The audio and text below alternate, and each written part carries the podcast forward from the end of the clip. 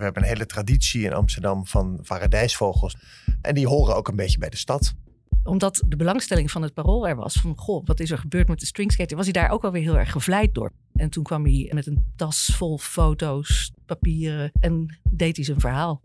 De coolheid van hem straalde ook een heel klein beetje op jou af. Dat je dacht van, hé, ik woon nu in een stad... Oh, je hoort hierbij? Ja, waarbij Oh, ja. dit heel normaal is. Amsterdam staat wereldwijd bekend als een tolerante stad waar je kunt zijn wie je wil zijn. Skaten in een flitsende string of als levend kunstwerk door de stad paraderen. Niemand kijkt er in Amsterdam van op. Of is dat de laatste jaren veranderd? Mag je anno 2023 nog afwijken van de norm? In Amsterdam Wereldstad, een podcast van het Parool, bespreken we een Amsterdams fenomeen en geven we antwoord op de vraag: hoe zit dat eigenlijk? Mijn naam is Lorianne van Gelder. Welkom. Deze maand overleed een Amsterdams icoon. Stringskater of blote billenman Henry Bronker. En met zijn overlijden kwam de vraag op of er in Amsterdam nog wel ruimte is voor zulke paradijsvogels. Collega en paroolverslaggever Rolf-Jan Duin heeft dat uitgezocht en vertelt daar zo alles over. Welkom, Rolf-Jan. Dankjewel. En ook Marjolein de Kok zit hier bij ons. Welkom, Marjolein. Hallo. Jij bent chef boeken bij het Parool, eh, maar schrijft vandaag vooral aan omdat jij Henry, Henry Pronker, de stringskater, persoonlijk kende. Hoe kende jij hem eigenlijk? Ja, dat klopt. Ik was in 2014 werkte ik als freelancer, ook voor het Parool. En toen hadden ze bij PS de bijlage eh, een plan gemaakt voor een blootspecial. En bij de vergadering daarover was de vraag opgekomen van... Goh, waar is die stringskater eigenlijk Waar is die gebleven? Die zien we gebleven? helemaal Ja. niet meer. En toen kreeg ik de vraag, Marjolein, kan jij dat even uitzoeken? Oké, volgens mij horen we zo meteen meer over hoe dat is gelukt, want het was nog best wel een, eh, een uitdaging. Maar goed, eerst Rolf Jan, ehm, want eh, dit woord paradijsvogel eh, hebben we nu al een paar keer genoemd. Wat is jouw definitie van paradijsvogel? Nou ja, het is geen, geen term met een vastomlijnde definitie. Ik denk dat, dat iedereen's invulling ervan ook anders is. De, de- in andere gemeenten heet ze misschien de dorpsgek. Maar in Amsterdam gaan we ook praten op dat we kleurrijke, excentrieke figuren hebben. Eh, die de stad ook wat kleur geven. Eh, dus ja, eh, wonderlijke mensen. We, we hebben een hele traditie in Amsterdam van, van ja, mensen die we dan maar paradijsvogels noemen.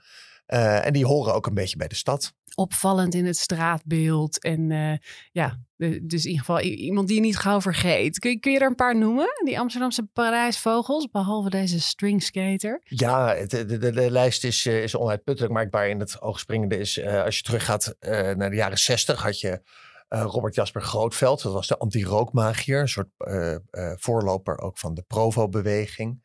En in de jaren zeventig hebben we Mathilde, Mathilde Willink gehad, die, die in, in, in mooie creaties in jurken van ontwerpster Fong Leng liep. En het was een soort socialite nog voordat het woord volgens mij bestond. En ver voor Paris Hilton. Eh, we hebben levend kunstwerk Fabiola gehad. Eh, en in de jaren negentig had je eh, Dolly Bellefleur en eh, Diva Mayday. Dat, en ook de stringskater natuurlijk. Ja, En, en ja, wat je eigenlijk ziet is dat ze eh, aan de ene kant allemaal volstrekt unieke figuren zijn. Maar tegelijkertijd vallen ze ook allemaal wel op een of andere manier samen met de tijd waarin ze leven. En, en op welke manier? Nou, je, je zou eh, dus ehm, Robert Jasper Grootveld, dat, die paste ook bij de spirit van de jaren zestig. En ook de eh, travestieten die we in de jaren negentig kregen, die bevochten ook echt de, de seksuele norm die toen eh, vaststond. En dat waren ook de jaren van gay pride. Toen was Amsterdam nog veel nadrukkelijker gay capital of the world. En je zou je ook kunnen voorstellen of bijvoorbeeld Herman Brood, die ook een, echt een Amsterdamse paradijsvogel was. Ja, die noemden we in de jaren 80 en 90 was dat de nationale troeteljunk. En je kunt je afvragen of... Ja, je kunt je afvragen of een, een speedverslaafde kunstenaar heden ten dagen ook zo in de armen zou worden gesloten. Ja, dus eigenlijk bijna een soort extreem eh, uiting van, van de tijdsgeest. Ja, terwijl, terwijl eh, tegelijkertijd, en daar zit misschien een paradox in, die eh, paradijsvogels ook vol, volstrekt authentiek zijn en zichzelf zijn. Dus Ja, en ook juist niet stroken met, met de rest van de, van de stad. Precies, Ja, precies. ja, ja. ja. Ja, ik moet ook denken aan, eh, ook onlangs overleed, die, die de José Antonio Guerra Padilla. Ik kende hem eigenlijk niet, Chico, maar die, die liep ook met, met twaalf eh, wc-rollen om de nek door de stad en, en, verkleedde zich als aartsengel. Marjolein, eh, ken jij nog voorbeelden van, van paradijsvogels? Jij woont hier inmiddels ook lang. Nou, niet anders dan het lijstje wat eh Rolf-Jan net noemde. Maar ehm, toen we op de Hoogte Kadijk kwamen wonen, was Robert Jasper Grootveld een directe buurman. En hij maakte er nogal de gewoonte van om naakt op zijn balkon te staan en vooral veel naar mensen op straat te roepen. Oh, wow. Uh, hij dronk ook wel veel in die tijd. En als ik dan naar buiten kwam, uh, riep hij: Hey, rooien, neuken. En dan keek ik naar boven en zei ik, vandaag even niet, Jasper. Echt ja. maar goed, die, die, Henry Pronker was, was in de jaren 80 en 90 uh, echt best wel een, een, een fenomeen. Een, een, ook een graag geziene skater met zo'n gespierde blote billen. Ik kan mezelf herinneren dat ik dan naar, naar de middelbare school fietste, dwars door de stad moest en hem dan uh, vlakbij het Vondelpark zag skaten. Hij flitste ook altijd zo voorbij. Ik dacht ik altijd van, wat, wat leuk, wat bijzonder. Um, Marjolein, wat is jouw eerste herinneringen aan die string, string skater voordat je hem ontmoette? Ik was 17 toen ik naar Amsterdam kwam om te studeren. En tijdens mijn intreeweek, de eerste dag, was ik met een groepje nieuwe studenten, helemaal nieuw in de stad. Ik kwam uit Apeldoorn, niet veel gewend. Kwam Harry voorbij zoeven. En ik wist echt niet wat ik zag. En ik weet ook niet of ik het nou echt leuk vond. Nee? Ik, nee, ik vond het geloof ik wel een beetje gênant. Je vond het gênant? Ja. ja dat iemand het, zich ja, zo vertoonde? Ja, ik had zoiets van, ja, moet dat nou? Oh ja, dat was je niet genoeg Later, later zag ik hem veel vaker. En dan ga je eraan wennen. En dan weet je dat het bij de stad hoort. Oh, ik woon nu in de grote stad. Ja. En Rolf-Jan, weet jij nog wanneer je hem voor het eerst zag? Nee, maar ik, ik, niet, precies het eerste moment. Maar ik weet wel dat inderdaad, uh, toen ik hier ook kwam studeren, uh, ja, dan, dan zag je hem af en toe soms als je uh, laat was uitgegaan en dan was de ochtend en dan skate die voorbij. En het gevoel wat het wel el elke keer opriep was dat ook iets van, ja, hoe zou ik het zeggen, de, de, de coolheid of de onverschrokkenheid van hem straalde ook in zekere zin een heel klein beetje op jou af. Dat je dacht van, hé, hey, ik woon nu in een stad. Oh, je hoort dit, hierbij. Ja, waarbij oh, dit heel normaal is. En dat was ook eigenlijk het, het sentiment, daar zullen we het zo over gaan hebben. Wat volgens mij bij heel veel mensen uh, leefde, bleek uit de alle reacties op zijn we hebben waanzinnig veel reacties gekregen. Ja, ja. ja. dat, dat, was echt opvallend, dat hij toch echt een fenomeen was. Maar Marjolein, ik ben toch wel benieuwd hoe dat nou precies ging. Hoe jij hem leerde kennen. Want ja, ik denk dat het voor de meeste mensen ook bleef bij dat was de blote billenman, de stringskater. Maar jij ging op zoek naar Henri, die, ja, van wie je eerst ook niet wist dat hij zo heette. Ik wist niet dat hij zo heette. Hij werd wel G-string Billy genoemd, onder andere. En hij stond bekend als Jan de Reus. was ook een bijnaam die hij had. Omdat hij natuurlijk als, als skatend heel lang leek. Maar ik ben gewoon eerst begonnen met online onderzoek. Graven, graven, graven. Waar komt hij in voor? In wat voor databases zit hij? Hij heeft gespeeld in een film van Dick Maas, een figurantenrolletje gehad. Daar kwam ik voor het eerst zijn echte naam tegen. Uh, die kwam ik later tegen ook nog in een stuk over de Friday Night Skate, waar hij ook een uh, boegbeeld was. Want hij was eigenlijk in de jaren 80, 90 heel vaak te zien. Maar tegen de tijd dat jij dit onderzoekje ging doen, dat is nu pak een beetje tien jaar geleden, ja. was hij eigenlijk nauwelijks nog te zien. Hij was niet te zien, althans wel in de rafelranden van de nacht. Hij skate s ochtends heel erg vroeg, vanaf een uur of vier tot een uur of zeven. Hij skate ver, ver de stad uit ook. En dat kwam omdat hij in 2006 een ongeluk heeft gekregen. Een botsing met een scooter waar hij zijn kruisbanden had gescheurd. En hij vond dat hij daarna niet meer mooi genoeg skaten. Oh. Hij vond het eigenlijk een beetje een aanfluiting. Hij vond zichzelf eigenlijk een nietsnut vergeleken bij hoe mooi hij wilde zijn en hoe mooi hij wilde skaten. Maar hij wilde wel doorskaten om weer die oude vorm terug te krijgen. Dus hij was er nog wel, maar echt alleen maar als je, nou ja, zoals Roefjan, heel, tot heel laat uitging of als je heel vroeg opstond. Nou ja, dat was ook grappig in de reacties van de lezers. Het was of uh, mensen werden heel vrolijk als ze hem zagen op weg naar hun werk, of ze waren heel vrolijk als ze hem zagen als ze terugkwamen van de kroeg. Klopt precies. En je zegt al, hij wilde een soort gezondheid uitstralen. Was, was dat ook voor hem of, ja, de voornaamste reden om dit te doen? Ik bedoel, je, dat kun je ook op andere manieren doen, zeg maar. Ja, nee, dat was echt heel belangrijk. Hij, hij, zijn gezondheid stond voorop. Hij was heel erg bezig met natuurgeneeswijze en hij wilde uh, zijn lichaam groter, sterker maken, mooier maken. En daarmee ook een soort onsterfelijkheid bereiken. Hij hoopte heel erg dat hij onsterfelijk zou zijn. En ja. dat is hij natuurlijk, dus weten we nu, nee. uh, in overdrachtelijke zin geworden. Ja, in, in die omstandigheden. Als, als, als, als een stringskater wel, ja. maar niet als Henry Pronker. Ja, ja. En, en, en heeft hij verteld hoe hij destijds werd ontvangen? Hoe er op hem werd gereageerd in de jaren 80, 90 toen hij ermee begon met dat skaten? Nou, daar hebben we eigenlijk nooit over gepraat. Want het skaten, uh, toen ik hem eenmaal had opgespoord voor de krant, kwamen we al snel terecht in een veel persoonlijker gesprek. Uh, hij was erg eenzaam en uh, had gewoon heel erg veel behoefte aan aandacht en vriendschap. Dus over hoe het skaten toen was, hebben we het niet gehad. We hebben het wel gehad over het skaten op dat moment. Dat hij al vond dat de stad uh, minder ruimte had. Hij noemde zichzelf ook echt vol overgave een paradijsvogel. Oh, dat zag je wel ja, als een geuze. Ja, nee, dat, was, dat vond hij echt een geuzennaam. Hij vond zichzelf ook symbool voor de vrijheid. Hij vond ook dat wij als parool, hij las het parool ook graag. Hij vond dat parool er ook sterk voor moest staan. Uh, maar wij praten vooral gewoon over zijn persoonlijke omstandigheden en, uh, en zijn leven en hoe dat verder ging. En je had hem dus online uiteindelijk gevonden, sprak ja. met hem af in een café. Ja, de eerste keer, uh, hij wilde mij eerst zien of, om, om te kijken of hij met mij in zee wilde gaan. Hij had slechte ervaringen met de media. Dus eigenlijk had hij besloten dat hij niet meer voor het voetlicht zou treden. maar omdat de belangstelling van het parool er was van, goh, wat is er gebeurd met de stringskater, was hij daar ook alweer heel erg gevleid door. Van, hé, hey, ze willen weten wat er met mij is. En toen hebben we gewoon eerst wat gedronken en toen had hij vertrouwen, ben ik de volgende dag weer naar hem toe gegaan. En toen kwam hij uh, daar aanzetten met een tas vol foto's, papieren en deed hij zijn verhaal. Wist hij dat hij zo'n fenomeen was? Ja, dat besefte hij terdege. Oh ja. Ja, ja, dus ja daar was hij ook wel echt trots op. Ja, nou ja, wij realiseerden ons uh, hier bij het Parool uh, opnieuw dat hij zo'n fenomeen was toen we alle reacties binnenkregen na zijn overlijden. Roefjan, wat voor reacties kwamen er allemaal binnen? Je, je hebt ze ja, echt enorm veel mails. En, en wat vooral uh, opviel was niet alleen medeleven en, en nou, bedroefdheid, zoals dat wel vaker is als er, als er een, een bekende Amsterdammer overlijdt, maar ook een sentiment van dat er een stukje van de vrijheid van de stad was, was weggegaan, was overleden eigenlijk. En dat hij stond voor, voor eigenlijk veel meer dan uh, ja, een, een, skater in blote billen. Maar dat hij ook, uh, hij, hij, stond symbool voor een Amsterdam dat, dat niet meer zou bestaan. Oh ja. En, en dat was eigenlijk waarbij wij als krant ook aansloegen van misschien moeten we dit toch nog eens onderzoeken. Van welk deel van Amsterdam is er dan niet meer? En dus zo ben ik begonnen aan een stuk om dat, om dat te onderzoeken. Is dat nou vals sentiment? Is dat nou een soort van terugverlangen naar een stad die anders is geworden, maar en er echt niet meer is? Of, of nou, hoe zit dat precies? Ja, ja, het is ook hoe Henri dat zelf ervoer. Gewoon de laatste jaren dat hij echt actief was als stringskater. Uh, dat de vrijheid echt beperkter werd. Dat hij veel meer werd uitgescholden. Uh, soms trokken ze ook aan hem. Bijvoorbeeld, er werden nare filmpjes van hem gemaakt. Waarbij hij echt met veel gescheld werd opgenomen. Oh ja, hij echt dumpertachtige filmpjes om hem belachelijk te ja, maken. Ja, en daar had hij echt heel veel last van voor hem in, in zijn ervaring was dit, dit sentiment dat lezers in ieder geval beschrijven ook daadwerkelijk dat heeft, aan de hand. Dat heeft hij echt zo ervaren. Dat was ook een van de redenen om uh, in het duister te gaan skaten. Ja, zodat hij zo weinig mogelijk mensen ja. tegenkwam. Ja. Naast verdrietig eigenlijk. Ja, dat, ja. Vond ik heel, ja, dat is heel verdrietig. En hoe kwamen de reacties op zijn overlijden dat hij dus zo'n fenomeen was bij jou en bij Henry's familie? Aan.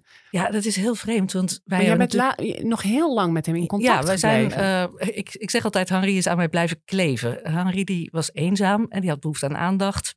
En toen hij eenmaal aandacht van mij had gehad, dat gebeurt wel eens vaker, uh, als je mensen geïnterviewd hebt uh, en je hebt een indruk achtergelaten en je hebt aandachtig geluisterd, uh, ja, toen wilde hij eigenlijk wel meer aandacht. En ja, hij, heeft, hij, hij bleef eigenlijk in mijn omgeving verschijnen. Ik sprak af en toe met hem af. maar hij skate ook bijvoorbeeld. Hij wist dat ik ochtends om zeven uur naar de redactie ging. Skate hij ook altijd precies om zeven uur door de straat. En dan kwam je hem tegen? En dan kwam ik hem tegen, ja. Maar goed, dat was gewoon uh, realiteit. En eigenlijk de laatste paar jaar, zeker toen duidelijk werd dat hij heel erg ziek was, uh, is dat contact nog zeer geïntensiveerd. Alleen ik ken hem dus als die Henri, een man met een moeilijk verleden, een traumatisch verleden, een eenzame man, uh, een, een, een, wat dwangmatige man is een contact. Hij kende daar geen grenzen in. Dat heeft hij ook als kind nooit geleerd. Dus dat heb ik hem ook niet kwalijk genomen. Maar het was soms wel heel lastig. Het was een ongemakkelijke vriendschap. Ja. Uh, maar daardoor vergeet je bijna dat hij inderdaad de stringskater was waar ons contact allemaal mee begon.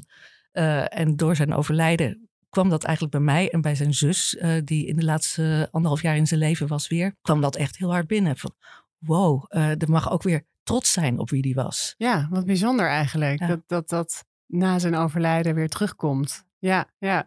Want, want ja, nou ja, veel lezers verlangden dus, verlangen nog steeds terug naar die tijd. Wat, wat, wat jij al schetst, Jan, dat, dat, dat Henry door de straten skaten.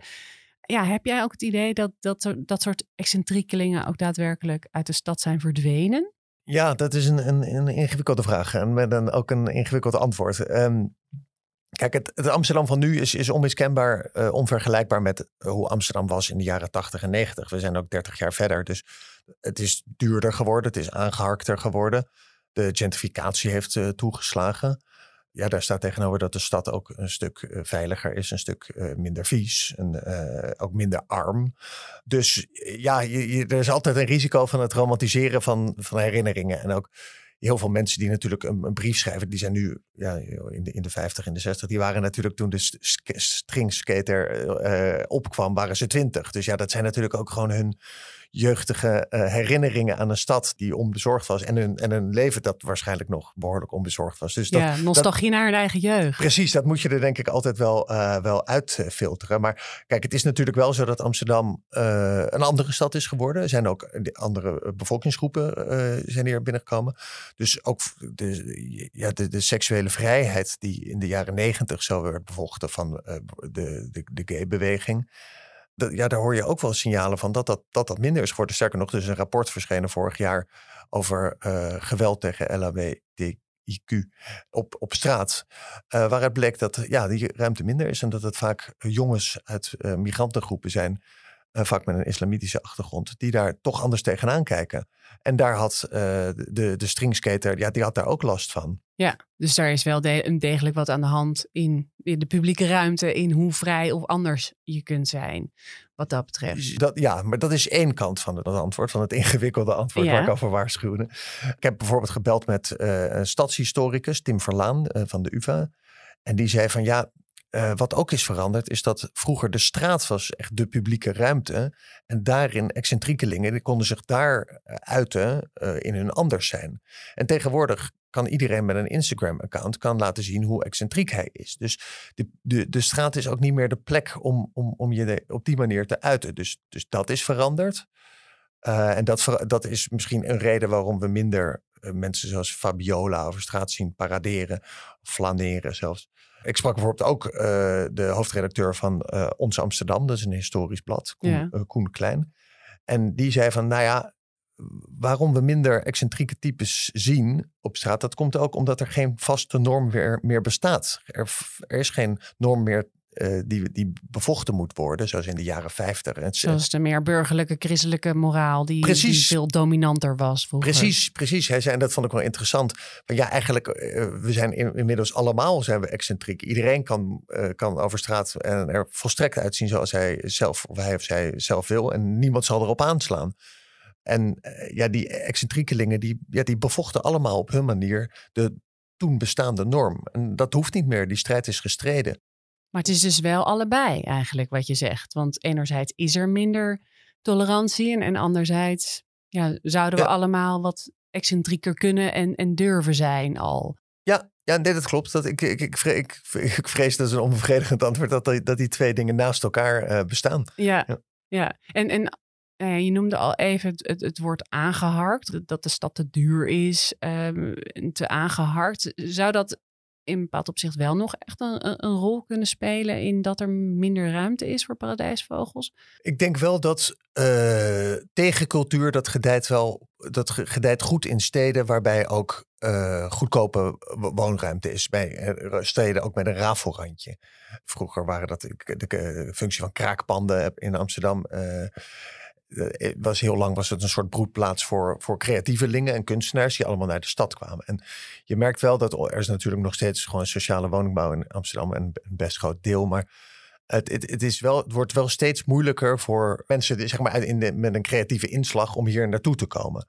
En dat is iets wat niet alleen maar voor Amsterdam geldt. Dat zie je ook in andere grote Europese steden. Dat het leven daar eigenlijk zo onbetaalbaar wordt dat het steeds moeilijker wordt ja, voor ja, hoe zou je het zeggen, de, de, humeslaag van de creatieve klasse om daar nog, nog plaats te, uh, om daar nog neer te strijken. Waar gaan ze dan heen? Ik bedoel, het is niet alsof mensen die zichzelf willen laten zien uh, zijn verdwenen. Je noemde al het internet, maar ja, gaan ze ook naar andere plekken toe? Nou ja, je, je ziet de afgelopen jaren dat die mensen ook steeds meer naar buitenwijken eh, gingen. Dus het, het centrum waar vroeger natuurlijk iedereen neerstreek, dat, dat, die heeft die functie al lang niet meer. Dus dat gaat ook steeds letterlijk, gaan de rafelranden naar de randen van de stad. En dat, dat schuift natuurlijk steeds meer op.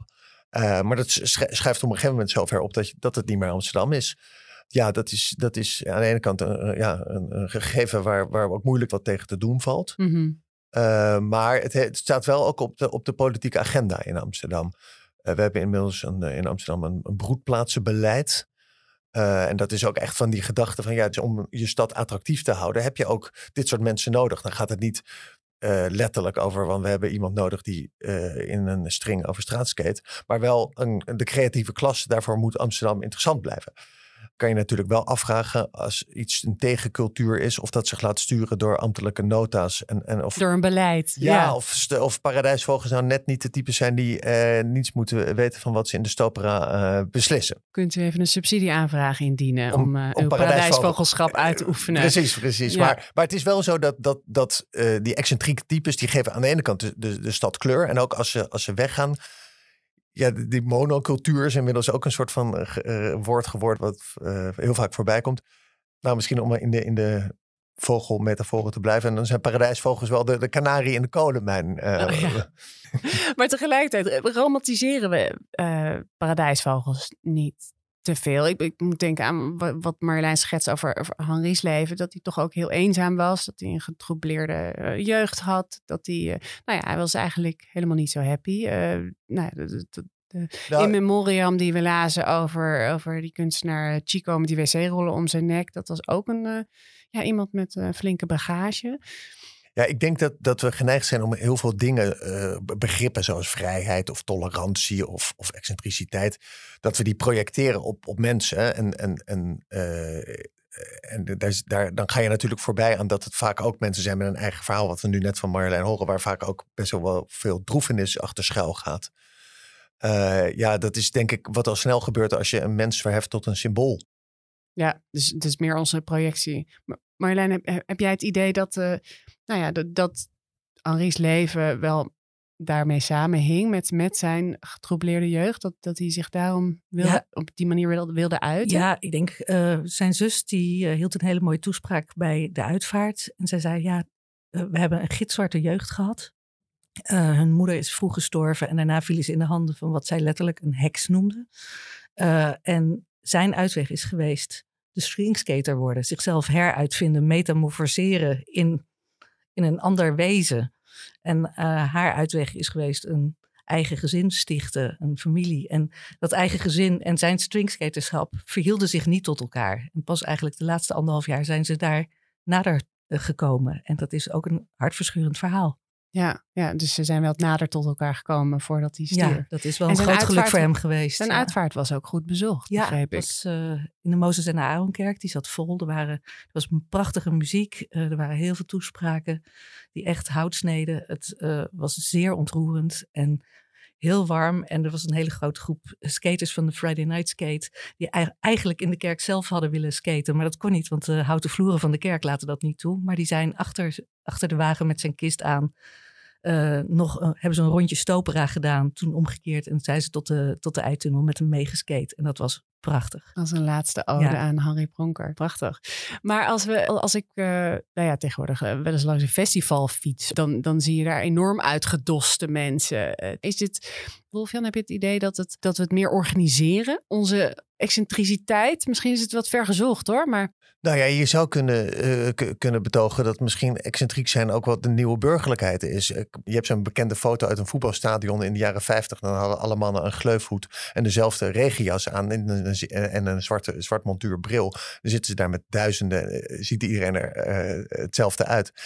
Ja, dat is een ander straatbeeld dan, dan dat je nu ziet. En ik denk als jij vandaag in je bikini op een sub door de grachten uh, wil gaan varen omdat het warm is. Ja, ik denk dat niemand ervan opkijkt. je bent dan niet meer de, de seksuele moraal aan het bevechten of, of wat dan ook. Ik denk dat iedereen schouderophalend doorgaat met zijn eigen leven. Ja, je kunt meer. Maar er wordt ook altijd nog steeds geroepen dat we ook allemaal weer opnieuw een soort uniform hebben. Van uh, wij zo'n spreken een soort H&M outfit van uh, eenvormigheid. Dat is het misschien ook allebei weer. Ja, ja, onbevredigend, hè? Ja, ja. lastig. lastig om hier uh, heel erg stellig in te zijn.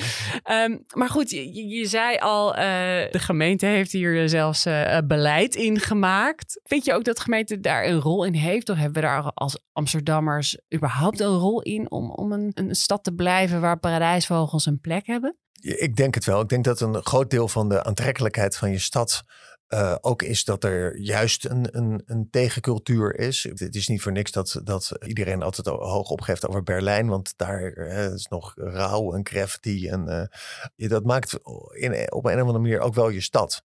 Dat is denk ik ook de functie die tegencultuur in een stad als Amsterdam zou moeten hebben. Maar het, laat, ja, het, is moe, het, het moet zich ook verhouden met, met de markt. En ja, die dicteert dat een, dat een klein kamertje in het centrum huren 1500 euro kost per, maand. Dus dat, dat is gewoon, ja, dat, dat is een hele, hele moeilijke en scherpe tegenstelling. Daarom vind ik het ook zo mooi dat uh, de dood van Henri, hoe naar ook, uh, heeft laten zien hoeveel Amsterdammers toch behoefte hebben aan die paradijsvogels en hoe dat gemist wordt. Dus eigenlijk is het bijna een oproep van de Amsterdammers aan zichzelf. Ja, we moeten dit meer vieren. Ja. Het moet meer gevierd en grijp worden. in als zo iemand belaagd wordt. Precies, ja. ja, En ik denk dat dat uh, de meerwaarde is geweest van de afgelopen weken. Dat daar dat, dat tegengeluid weer echt gehoord is. Ja. En Henri zou dat wel echt geweldig gevonden hebben. Nou ja, on that note. Kleine ode aan Henry Pronker, de stringskater.